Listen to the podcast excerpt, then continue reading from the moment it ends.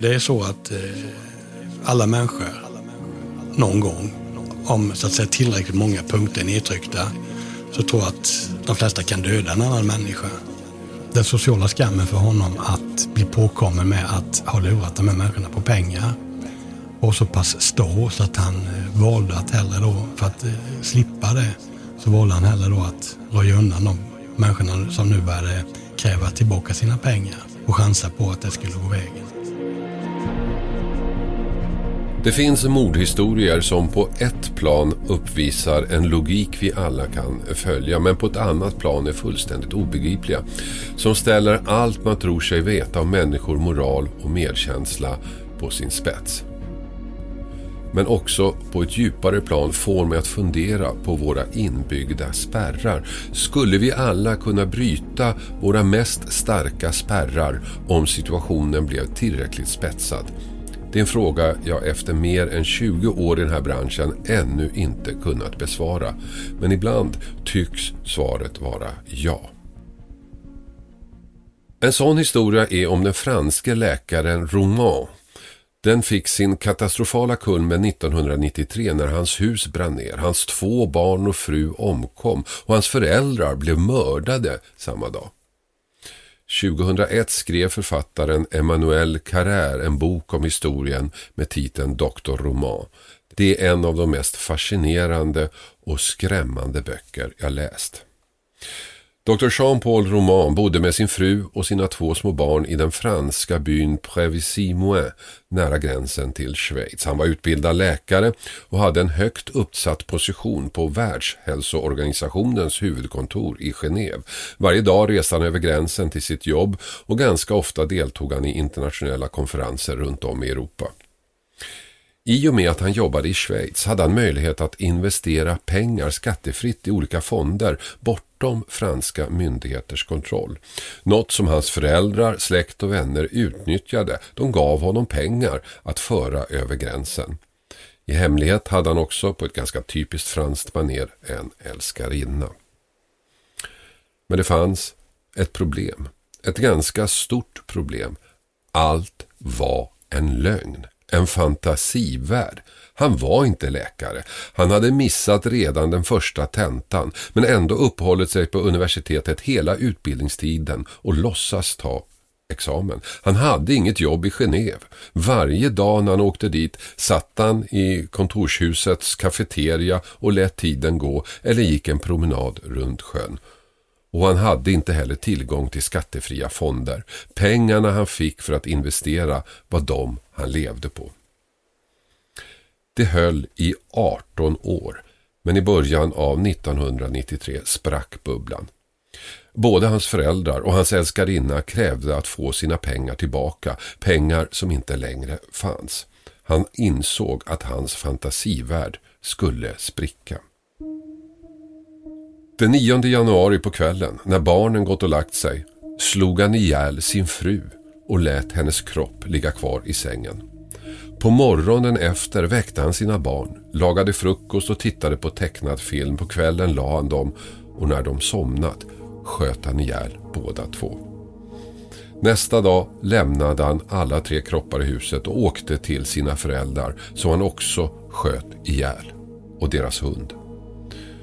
På kvällen plockade han upp sin älskarinna. De hade blivit bjudna på middag av hälsoministern, sa han. Men på vägen stannade han bilen och försökte strypa henne. Men hon gjorde motstånd och klarade sig. Så han skjutsade hem henne, och åkte tillbaka till sitt hus med de döda familjemedlemmarna. Där hällde han tändvätska i vardagsrummet, tog sömnpiller och tände på. Men han överlevde branden och medicineringen och enligt författaren av boken verkar det som om självmordsförsöket var mer eller mindre iscensatt. Sömnmedlet hade gått ut, han hade starkare piller på att välja på om han verkligen var seriös. Och branden upptäcktes av snöröjarna han visste skulle komma efter någon halvtimme. Det här fallet blev naturligtvis enormt uppmärksammat i Frankrike. Dr. Reman dömdes i juli till livstidsfängelse. Han diagnostiserades också att ha en narcissistisk personlighetsstörning. Och varför berättar jag om det här gamla fallet i den här podden? Jo, därför att i maj 2015 fick vi ett svenskt parallellfall. Polisen i Jönköping grep den svenske doktor Roman, kapitalförvaltaren Soran Radovanovic. Han var 51 år, bodde i Bankeryd och drev ett framgångsrikt investmentbolag i vilket människor satsade pengar. Han var också en omtyckt granne, en engagerad fotbollspappa, bodde i ett fint hus och körde en tjusig bil. Men även han, liksom Dr. Roman, levde i en lögn. Han var ingen duktig kapitalplacerare. Pengarna som han fått i uppdrag att förvalta hade han i själva verket levt upp själv och sommaren 2015 sprack hans bubbla. Ett äldre par i Norra Hammar utanför Jönköping ville ha tillbaka sina pengar. Pengar som alltså inte fanns. Den 27 maj hade Radovanovic ett möte med mannen hemma hos paret. Han hyr en bil och på väg dit köper han tändvätska, tejp och ett baseballträ men också räksmörgåsar. Mötet börjar med att de två äter smörgåsarna och slutar med att Radovanovic slår ihjäl mannen med ett baseballträ. Och sen väntar han in mannens hustru och slår även henne med baseballträet. Och så sätter han eld på huset. Kvinnan dör inte av slagen utan kvävs ihjäl av rökångorna. Men elden tar aldrig riktigt fart så när polisen kommer till platsen finns ganska många spår att gå på. Och det tar bara några dagar innan polisen kan koppla ihop Radovanovic med paret. Han grips och erkänner mer eller mindre direkt. Och där skulle den här historien kunna sluta. Men det gör den inte. För under förundersökningen får polisen upp ögonen för en annan brand inte långt därifrån i Hökensås tre månader tidigare. Även där hade ett äldre par brunnit inne Huset och kropparna var så förstörda av branden att det inte fanns några spår eller tecken på att den skulle varit anlagd eller att paret omkommit av andra orsaker än lågorna. Men när nu polisen tar en ny titt på fallet hittar de slående likheter med Norra Hammar. Även detta par hade gett pengar till Radovanovic. Även de hade stämt möte med honom. Även här hade han hyrt en bil, köpt tändvätska och en kofot på vägen. En kofot som polisen hittat på hans kontor när de gjorde husransakan efter branden i Norra Hammar. Nu undersökte man den närmare och gjorde ett avgörande fynd. Blod från paret i Hökensås, som man alltså först trott hade dött i branden, fanns på kofoten. Bevisen var alltså mer eller mindre identiska i de två fallen. Men det fanns en viktig skillnad. Soran Radovanovic, som alltså erkände att han mördat paret i Norra Hammar, förnekade att han hade någonting med det andra parets död att göra. Trots inköpen, trots blodet på kofoten. Men varken tingsrätten eller hovrätten trodde på honom. Den 26 april 2016 faller den slutgiltiga domen livstidsfängelse för alla fyra morden. Och därmed går han till brottshistorien som den dubbla dubbelmördaren och Sveriges doktor Roman. Den som ledde polisutredningen var kriminalinspektör Johan Frisk.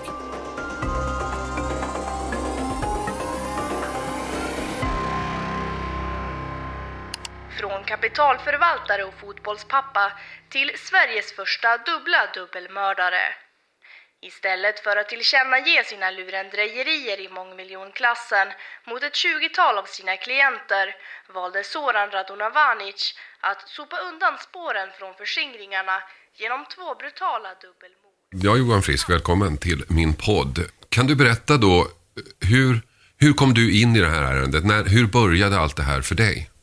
Eh, ja, det här var ju i maj månad eh, 2015. Eh, vi var i Jönköping och arbetade med en, eh, ett annat mordärende. Eh, och vi låg i så kallad PUG-formation. Det innebär då att det hade bildats en särskild utredningsgrupp för att, för att utreda ett kvinnomord som var i Jönköping. Och om jag inte minns fel så var det någon av teknikerna som ringde till mig den här torsdagen den 27 maj Och de var ute på en brand i Norra Hammar där man hade anträffat eh, två stycken avlidna personer.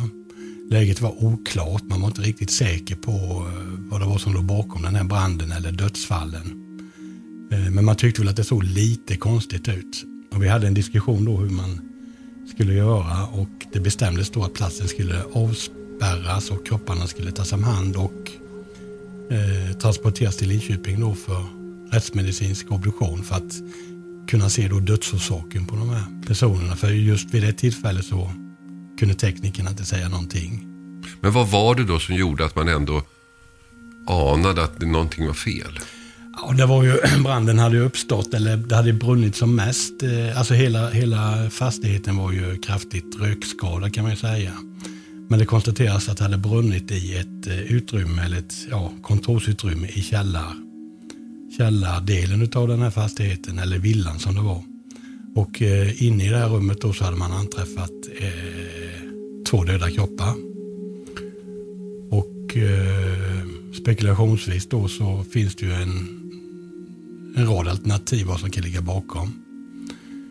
Eh, men eftersom vi var involverade i det vi var så bestämdes då att läget skulle frysas och att eh, vi hade kontakt med krimjouren i Jönköping med för att vi skulle då vidta vissa åtgärder under eh, eller fram till dess att obduktionen var klar och vi visste vad det mer handlade om. Mm.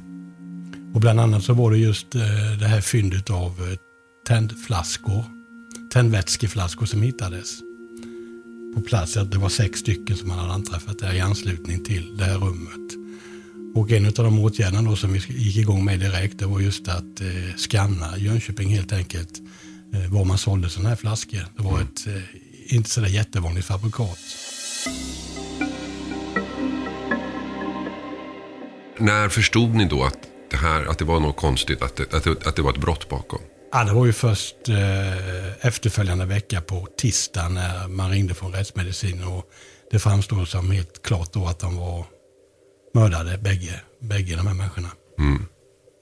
Och då bestämdes att vi skulle lämna den eh, mordutredningen höll på med och börja utreda det här istället och sen lämnades det här andra mordet då över till lokala utredare i Jönköping. Mm. Och vad gjorde ni då? Vad, vad, är det första ni gör då när ni så att säga, formellt tar över en utredning? Ja, vi fortsatte i samma PUG-konstellation då som vi hade varit på det andra ärendet i och med den organisationen som följer med det. Och eh, det är de här vanliga momenten då, kartläggning offer, dörrknackning, eh, ja den här kronologiska arkeologin som alla mordutredningar innebär. Och att försöka knyta då en gärningsman till tid och plats för den här branden. Tidsspannet var ju ganska tacksamt ändå. Vi visste ungefär när det hade skett. Eh, och sen eh, är de här vanliga momenten då att eh, titta på eh, offrens sista kontakter, vem var sista besökare, vem har pratat med dem sist. Eh, hela telefonbiten då, vi tar in, eh, ja, tömmer basstationerna i Norra Hammar. Vi tittar på offrens telefoner, vilka de har varit i kontakt med och så vidare. Mm. Men de här flaskorna du nämnde, det, det blev, visade sig efteråt, ett slags genombrott? Ja, eh, ganska snabbt så fick vi reda på då jag kommer inte ihåg om det var då på tisdagen eller onsdagen, men då framkom i alla fall att eh, en person hade varit och köpt tre sådana här flaskor på K-Rauta i Jönköping. Och vi fick in övervakningsfilmen eh, från det tillfället och eh, eh vi kände inte igen den här personen då. Det visade sig sen att det var den misstänkte. Eh. På den här övervakningsfilmen syns hur Soran Radovanovic skojar och skämtar med en annan kund innan han köper tändvätska. Enligt polisen är det den tändvätskan han använder när han senare tänder eld på det hus där han misshandlat ett par i 70-årsåldern med ett baseballträ. Kvinnan ska fortfarande ha varit vid liv när huset tändes på.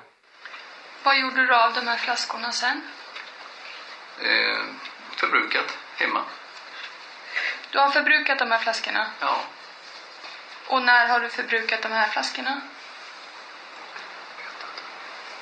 Ja, det kan jag inte säga exakt, men det är ju, det är ju hemma. Jag, jag har grillat och det är så jag har förbrukat dem. Jag kan inte säga vilka dagar det är. Nej. Turligt nog så hade han ju betalt då med ett eh, betalkort. Och vi kontaktade då den firman eller det företaget som hade det här kortet. Men de hade något eh, strul med sin data så att det dröjde några dagar innan vi fick eh, reda på vem det var. Mm. Och under den tiden då så hade vi också fått in vad som vi kallar då höglistorna, alltså telefonlistorna på offren. Då såg vi då att den här personen hade varit i kontakt med paret här. Mm. Det var så liksom det började på. Men när ni får då namnet på han som har köpt eh, tändvätskorna, ja. det, det, det, är så här efteråt förstår vi att det var väldigt viktigt. Men där och då, hur, vilken tyngd har det? Eh, alltså det är ju, vi är väldigt försiktiga med att bestämma oss och fastna i en inriktning för tidigt. För risken är då att lägger man eh, så att säga alla äggen i samma korg för tidigt så så eh, är det lätt att fastna. För att om man då kör in på ett uppslag och bara liksom arbetar med det i kanske en vecka, två veckor och sen det visar sig att man avfärdar det, så har man ju tappat mark under tiden, tiden har förlutit. Så att vi körde ju på flera eh, tänkbara hypoteser eller tänkbara gärningsmän. gärningsmän och det fanns ju fler än han då som vi tittar på. Och eh, det är ju rutin. Vi börjar ju titta på, eh, gå inifrån offren och utåt, anhöriga och sen vidare utåt då, och titta på dem. Och efter, eh, vad det gäller den här misstänkte personen då, så såg vi också då när vi fick in de här basstationerna att hans telefon positionerade då på en, ja, på kvällen här då, innan mannen upptäcktes i Norrahammar. Mm. Och det stärkte ju misstankarna ytterligare. Men generellt sett så kan jag ju säga det att eh, även sen att vi, vi får honom eh, både anhållen och häktad så går ju ganska stor del av utredningsresursen åt att eliminera andra tänkbara gärningsmän. Eh, så att vi liksom, det, det släpper ju nästan aldrig innan, innan utredningen är klar. De mm. pågår hela tiden.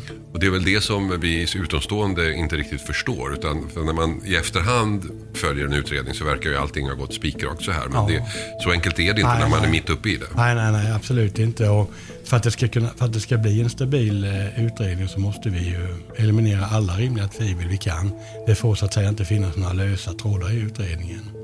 Men om vi då går tillbaka till den här misstänkte. Då hade ni alltså, han hade köpt tändvätska. Ni kunde se att han hade varit på platsen via mobiltelefonen. Och ni kunde också se att offren haft kontakt och kände honom. Hur, I vilket läge tycker ni att ni har tillräckligt mycket för att ta in honom? Ja, vi kunde ju se att han hade varit i Norrahammar, inte på platsen. Nej. Men det är ihop med tändvätskorna och så vidare. Då. Och sen eh, hördes ju anhöriga till offren. Och det visade sig ju då att eh, den här misstänkta personen hade stämt träff helt enkelt med maken i, i det här paret på kvällen. Och eh, han skulle besöka honom helt enkelt. Och hans hustru skulle komma senare på, på kvällen. Offrets hustru? Offrets hustru, ja. Och då, då eh, stärktes ju misstankarna ytterligare för att eh, det framstod, framstod ju då som ganska sannolikt att han var den sista som hade haft kontakt med honom i livet. Och veckan flöt på där då och eh, jag vet framåt fredagen då så hade vi det klart för oss. Eh, och då eh, ihop med åklagare så eh, hade vi ett resonemang då hur vi skulle göra. Skulle vi ta in honom nu eller skulle vi avvakta lite för att kartlägga honom ytterligare för att bekanta oss med, mer med honom helt enkelt. Och det där är alltid svårt. Vi brukar alltid försöka jobba upp en eh, misstanke mot en person då så pass mycket så att eh, det blir på sannolika skäl så vi slipper skälig misstanke och kanske bara en veckas häktning för det blir, det blir sällan bra. Mm. Men det bestäms i alla fall att vi skulle avvakta och eh, vi var i kontakt med vår spaningsrotel, eller spaningsgrupp. Och det bestämdes då att han skulle följas under helgen. Mm. Och sen eh, skulle, pågick det vissa andra utredningsåtgärder samtidigt. För det där är ju, vad jag förstår, ofta en diskussion i utredningar när man har en misstänkt. Ja. Därför fördelen med att vänta är att den misstänkte kanske gör saker som, som stärker misstankarna, man kanske hittar andra grejer. Eh, faran är att den misstänkte förstår att han är misstänkt och försvinner. Ja, det kan man kanske leva med då, men den största oron är ju att eh, sker det något mer brott? Mm. Sker det någonting mer? Mm. Det är den största oron och det där är ju alltid jättesvårt och det ligger mycket ångest i de besluten mm. kan säga och jobbigt om man ligger sömnlös och så här då. Men eh, ibland måste de besluten tas även om de kan vara jobbiga. Men så blev det i alla fall och eh, ja. Mm. Eh, men sen grep ni honom, hur gick det till? Ja, han var hemma i sin bostad och eh, två spanare hade koll på honom. Och det bestämdes då att han skulle, när han lämnade bostaden så skulle de följa efter och gripa honom då när han ställde ner bilen i parkeringsgaraget i- på sin arbetsplats. Och så skedde också. Eh, hur reagerade han? Han eh, blev nog väldigt förvånad. Han eh, nästan till svimmade när de eh, gick fram och sa det handlade om att han skulle följa med. Han blev nog väldigt chockad i det läget. Men han hämtade, hämtade sig ganska snabbt. Och sen fördes han in till polisstationen och sen eh, vidtogs ett sånt där så kallat 24-8-förhör, alltså ett anordningsförhör. Och eh, efter att han har delgivits misstankarna där och sina rättigheter och allt det där då så, så eh, erkände han ju mordet på paret i Norra Hammar ganska omgående. Och lämnade sådana uppgifter i det här första förhöret som var exklusiva för en person som har varit på brottsplatsen. Och jag, eh, jag har ett basebollträ i handen. Jag, eh, jag vet att jag delar ut ett slag mot Men jag kan inte säga hur många slag det var. Det vet jag inte. Och då skulle det ju kunna vara klart, men det, det var det ju inte i det här fallet. Eh, kan du berätta, det, han erkänner, då, då- förstår ni att han är rätt person. Vad, va, vad får ni reda på honom när ni börjar undersöka honom, ö, omgivningen? Så vad, vad får ni fram om honom? Ja, det vidtogs ju då en eh, omfattande kartläggning av honom då, hans bekantskapskrets, umgänge och hela paketet så att säga. Och det visade sig då att han var ju ehm, eh, investeringsförmedlare. Han alltså investerade pengar åt folk i fonder och liknande. Och eh, vi tittade på hans ekonomi bland annat. Eh, och vi såg ju då att han, att han spenderade ganska mycket pengar privat och så vidare. Och sen började vi då förhöra folk i hans närhet, kunder och liknande. Och det visade sig ganska snart då att det var flera kunder då som hade låtit honom investera ganska stora belopp. Och att eh, de hade börjat ana då att de här pengarna var borta helt enkelt. Och när vi gjorde den där kartläggningen då så eh, tittade på eh, kontakter då som man hade haft så, så hittade vi då bland annat en, en man som bodde i Stockholm som hade varit i kontakt med den misstänkte samma dag som det brann i Norra Hammar. Och eh, eftersom det låg så nära brottet då, för vi, vi eh, utredde då om det fanns någon mer tänkbar gärningsman naturligtvis. Och i det arbetet då så ringdes den här personen upp för att boka ett förhör. Då visade det sig att eh, det här var sonen till ett par som hade brunnit inne eh, tidigare samma år i eh, mars i Hökensås. Och han mer eller mindre bara hade väntat på att polisen skulle ringa för de hade sina misstankar som de hade framfört till polisen i det polisområdet som Hökensås tillhör. Vi kände ju inte till egentligen den där branden annat än flyktigt vi hade sett i media. Och eh, de hade ju då eh, brunnit inne som sagt den eh, 9 mars 2015. Några månader innan det tillfället då. Och eh, då så eh, kontaktade vi kollegorna i Västra Götaland och bad att få den utredningen. Och när vi tittade där i så fanns det en hel del likheter med händelsen i Norra Hammar. Han hade varit där på kvällen för att eh, ja, ge dem råd och då och då vad det gällde det här med eh, de investeringar som de hade gjort. Och sen hade det börjat brinna på natten då och bägge kropparna var eh, helt destruerade kan man ju säga. Men hur tänkte du då när du fick tag i det här, den här andra branden och du började förstå att det kanske hängde ihop? Ja, det är klart att det var ju väldigt anmärkningsvärt. Vi gjorde ju samma moment runt branden i Hökensås då som vi har gjort med Norra Hammar. Vi tittade på hans inköp och så vidare. Det här inköpet då som skedde samma dag som det brann i Hökensås. Det hade vi sett tidigare innan vi kände igen Hökensås och det hade inhandlats eh, kofot, eh, plasthandskar, rep, silvertejp och vad som sen i domen kommer att kallas för ett mördarkit. Eh, och det är klart att då eh, reste sig ju narkon lite då va? och då eh, inledde vi en förundersökning i det ärendet och vi, vi tog över det då så att säga från Västra Götaland och eh, det bestämdes med kollegorna i Västra Götaland att vi skulle utreda det som ett dubbelmord också. Mm. För när den branden inträffade i Högensås, då, då fanns det ju ingenting som gjorde att man misstänkte att det var något konstigt. Att det, det var en, det, det, det, huset hade brunnit, folk hade brunnit inne, två personer. Det fanns ingenting i det då, där och då som gjorde att man misstänkte att det var, att det var ett brott bakom. Nej, kollegorna hade gjort teknisk undersökning på brandplatsen och så vidare och hittat rester av kropparna och man lyckades väl identifiera på brandplatsen var kropparna hade luggit och så vidare. Men man hade ingen brandorsak, man hade ingen dödsorsak och då är det ju svårt naturligtvis. Eh, man, eh, ja, man undersökte skorsten och det var det enda som fanns kvar. Mm. Noga, men man kunde inte hitta någon brandorsak så att det där ärendet hade ju lagts ner. Mm. Han erkände ju då eh, branden i Norra Hammar ganska omgående. Hur reagerade han när ni kom med de här nya anklagelserna?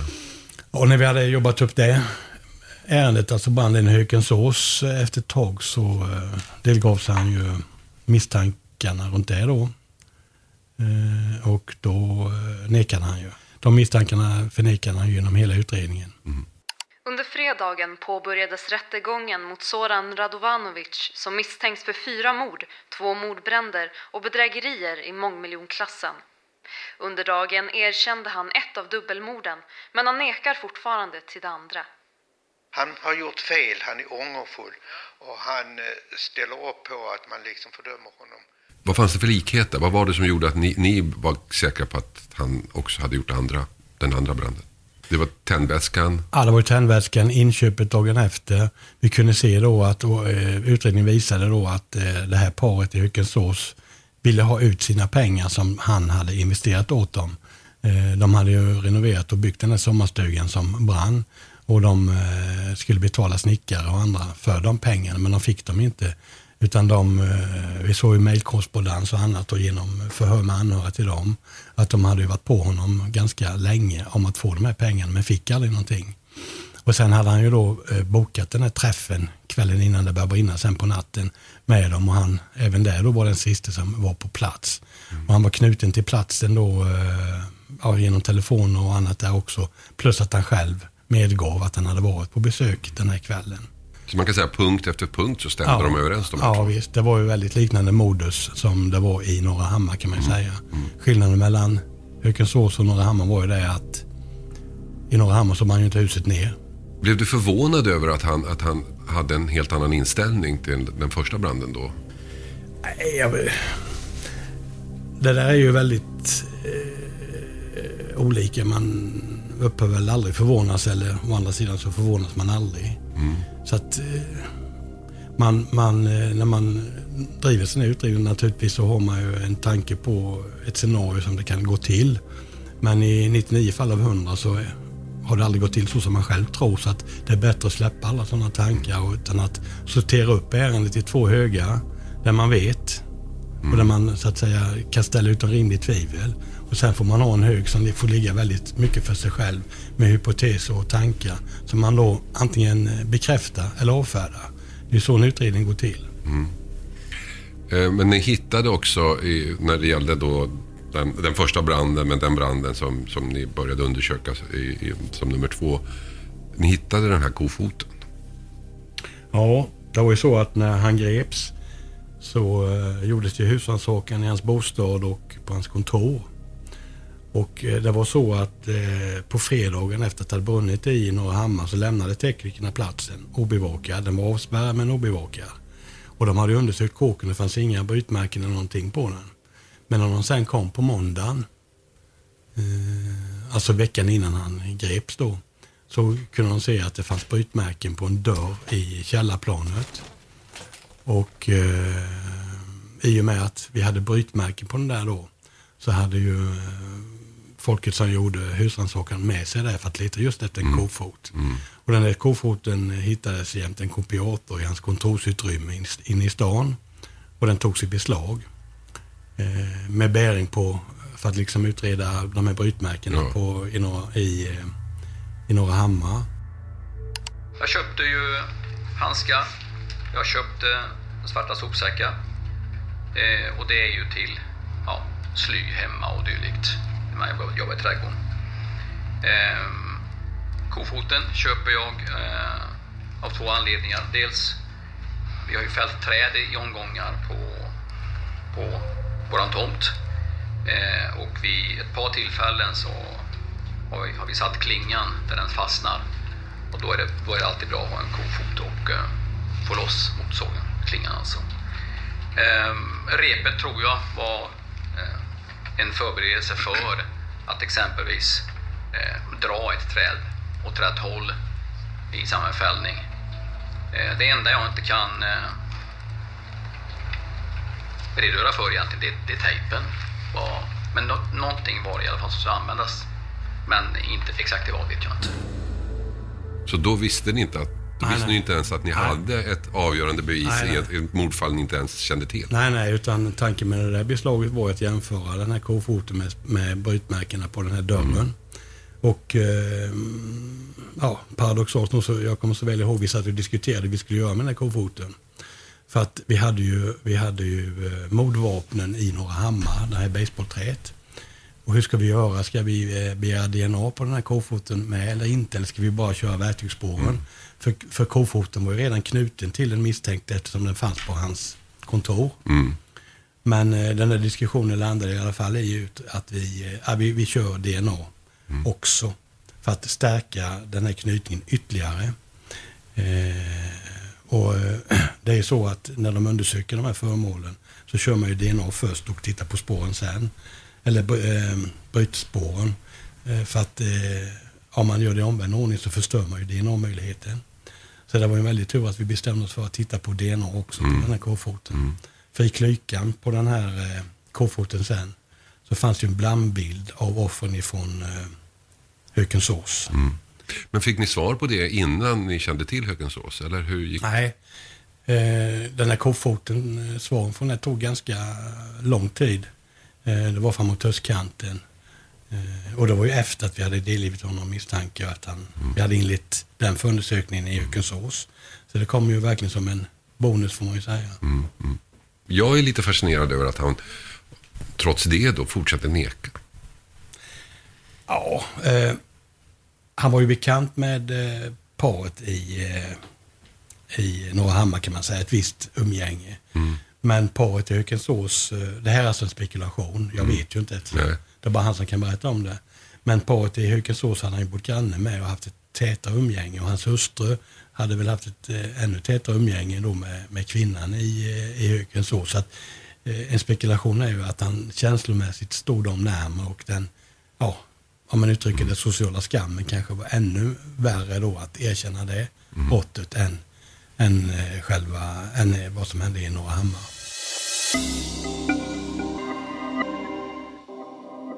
Men då har ni alltså eh, en misstänkt man. Ni har två, två gärningar som ni är övertygade om att han är skyldig till. Det måste ju... Ja, ja, alltså, vi, vi var inte övertygade om någonting utan vi bestämmer oss inte för någonting. Nej. Utan vi plockar fram och lägger i den här empiriska högen. Alltså det som är ställt utan rimligt tvivel, det, det, den försöker vi då eh, bygga på så att säga. Så vi kommer upp till en nivå så att åklagaren kan väcka åtal.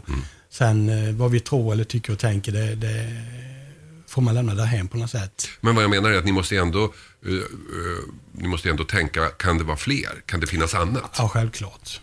Och det föranledde ju då att vi, att vi kontaktade, dels så tittade vi då på kundlistan hur det såg ut med dödligheten där helt enkelt. Fanns det några fler offer där, men det, det hittade vi inga.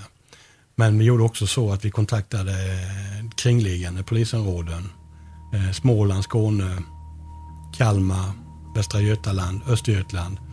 Och eh, begärde in då ärenden där det hade varit eh, totalbrand i fastighet och folk som hade brunnit inne.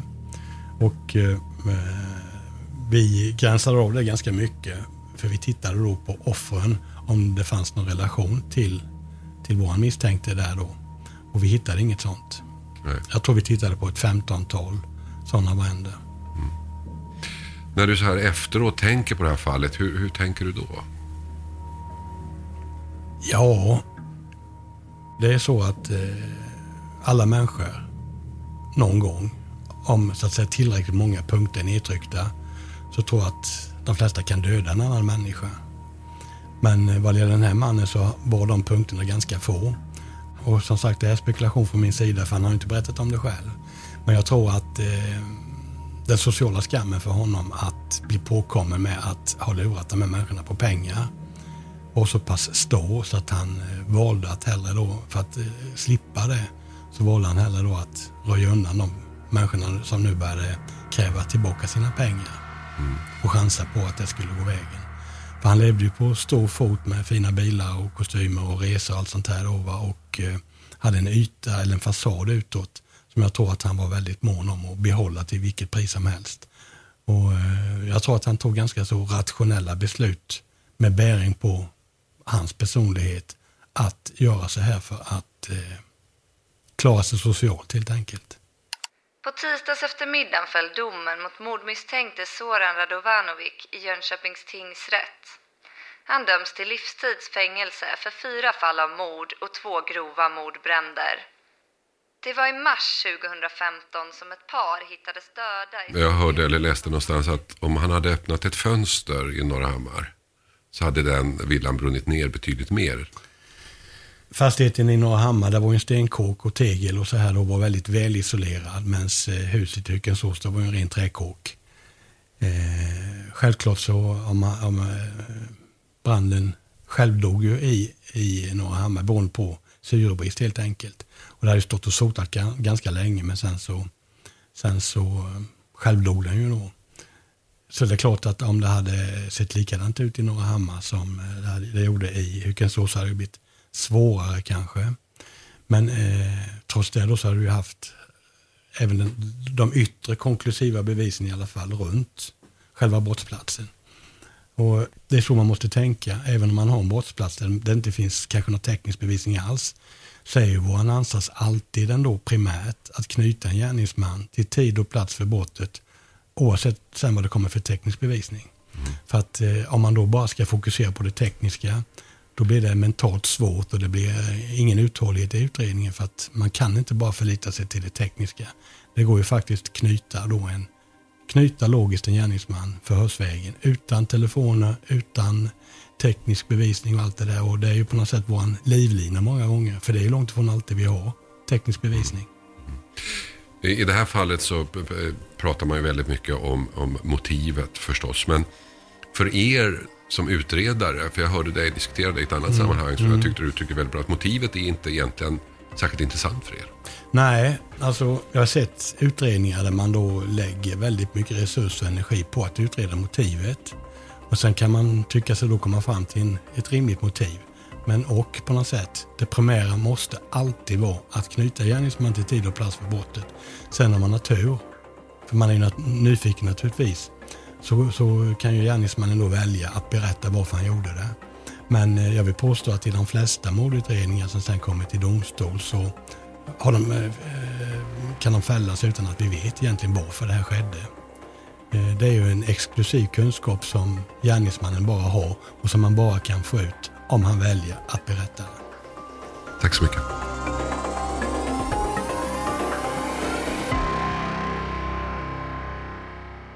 Berätta gärna om fallen jag aldrig glömmer för dina vänner så att fler får möjlighet att lyssna. Och har du förslag på fall som du vill att vi ska ta upp eller har du andra synpunkter, mejla då till fallen at ilikeradio.se. Och jag har några som jag gör den här podden med som jag vill tacka lite extra.